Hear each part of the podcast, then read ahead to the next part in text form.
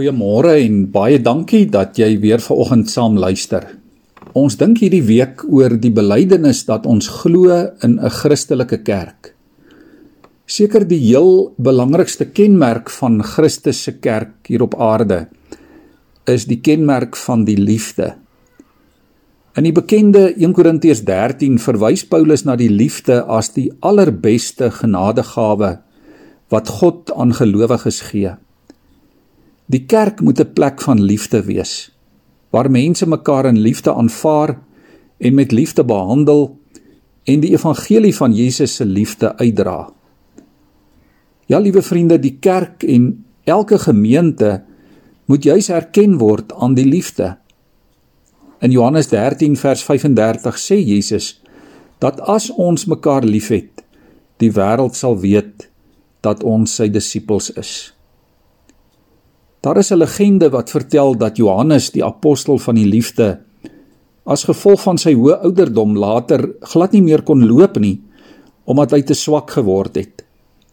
Sy medegelowiges het hom dan by die samekomste van die gelowiges ingedra. En dan het Johannes net sy vinger opgetel en gesê: "Kindertjies, ons moet mekaar lief hê." En dit was dan ook Johannes se hele preek. Die liefde is in hierdie wêreld ons heel sterkste wapen. Mooi woorde en slim praatjies gaan nie die wêreld verander nie. Maar min dinge kan bly staan teen die liefde. En so word ons geroep om lief te hê met die liefde van Jesus.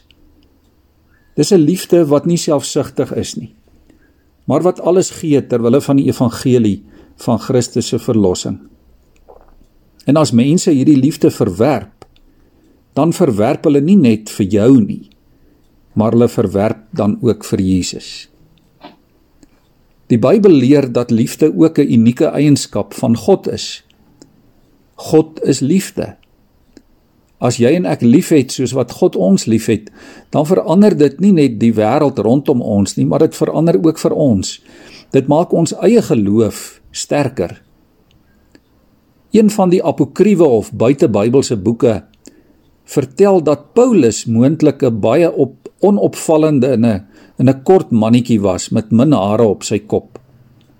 Daar word ook beskryf dat Paulus die een oomblik soos 'n gewone mens gelyk het en die volgende oomblik soos 'n engel. Toe Stefanus, die eerste Christen martelaar, voor die Joodse raad oor Jesus getuig het, het sy gesig ook soos die van 'n engel gelyk. Liewe vriende, kom ons dink vanmôre mooi daaroor. Jy en ek kan vandag soos 'n engel wees in hierdie wêreld. Jy kan jou omgewing en in iewers iemand se lewe aanraak met die liefde van Christus. Ja, jy kan tussen vriende en kollegas en familielede en in vreemdelinge op straat die hemelse lig van Jesus se liefde laat val. Jy kan dit vandag doen. Al is jy 'n gewone vaal onopvallende persoon of al word jy dalk veroordeel en mense gooi jou met klippe. Hou net aan om 'n engel getuie vir die Here te wees. Ek wil net twee verse vanmôre vir ons lees. Handelinge 6 vers 15 Toe al die lede van die Joodse raad stip na Stefanus sit en kyk, sien hulle dat sy gesig soos die van 'n engel lyk. Ook Johannes 13 vers 35 waar Jesus sê ek gee vir julle 'n nuwe gebod. Julle moet mekaar lief hê soos ek julle liefhet, moet julle mekaar ook lief hê. En as julle mekaar so liefhet, sal almal weet dat julle disippels van my is. Kom ons buig ons hoofde in gebed voor die Here. Here help elkeen van ons vandag om u hemelse lig Here te laat val op ons wêreld en op die mense rondom ons. Maak vandag ons harte en lewens in ons huise en ons werkplekke u kathedrale van liefde.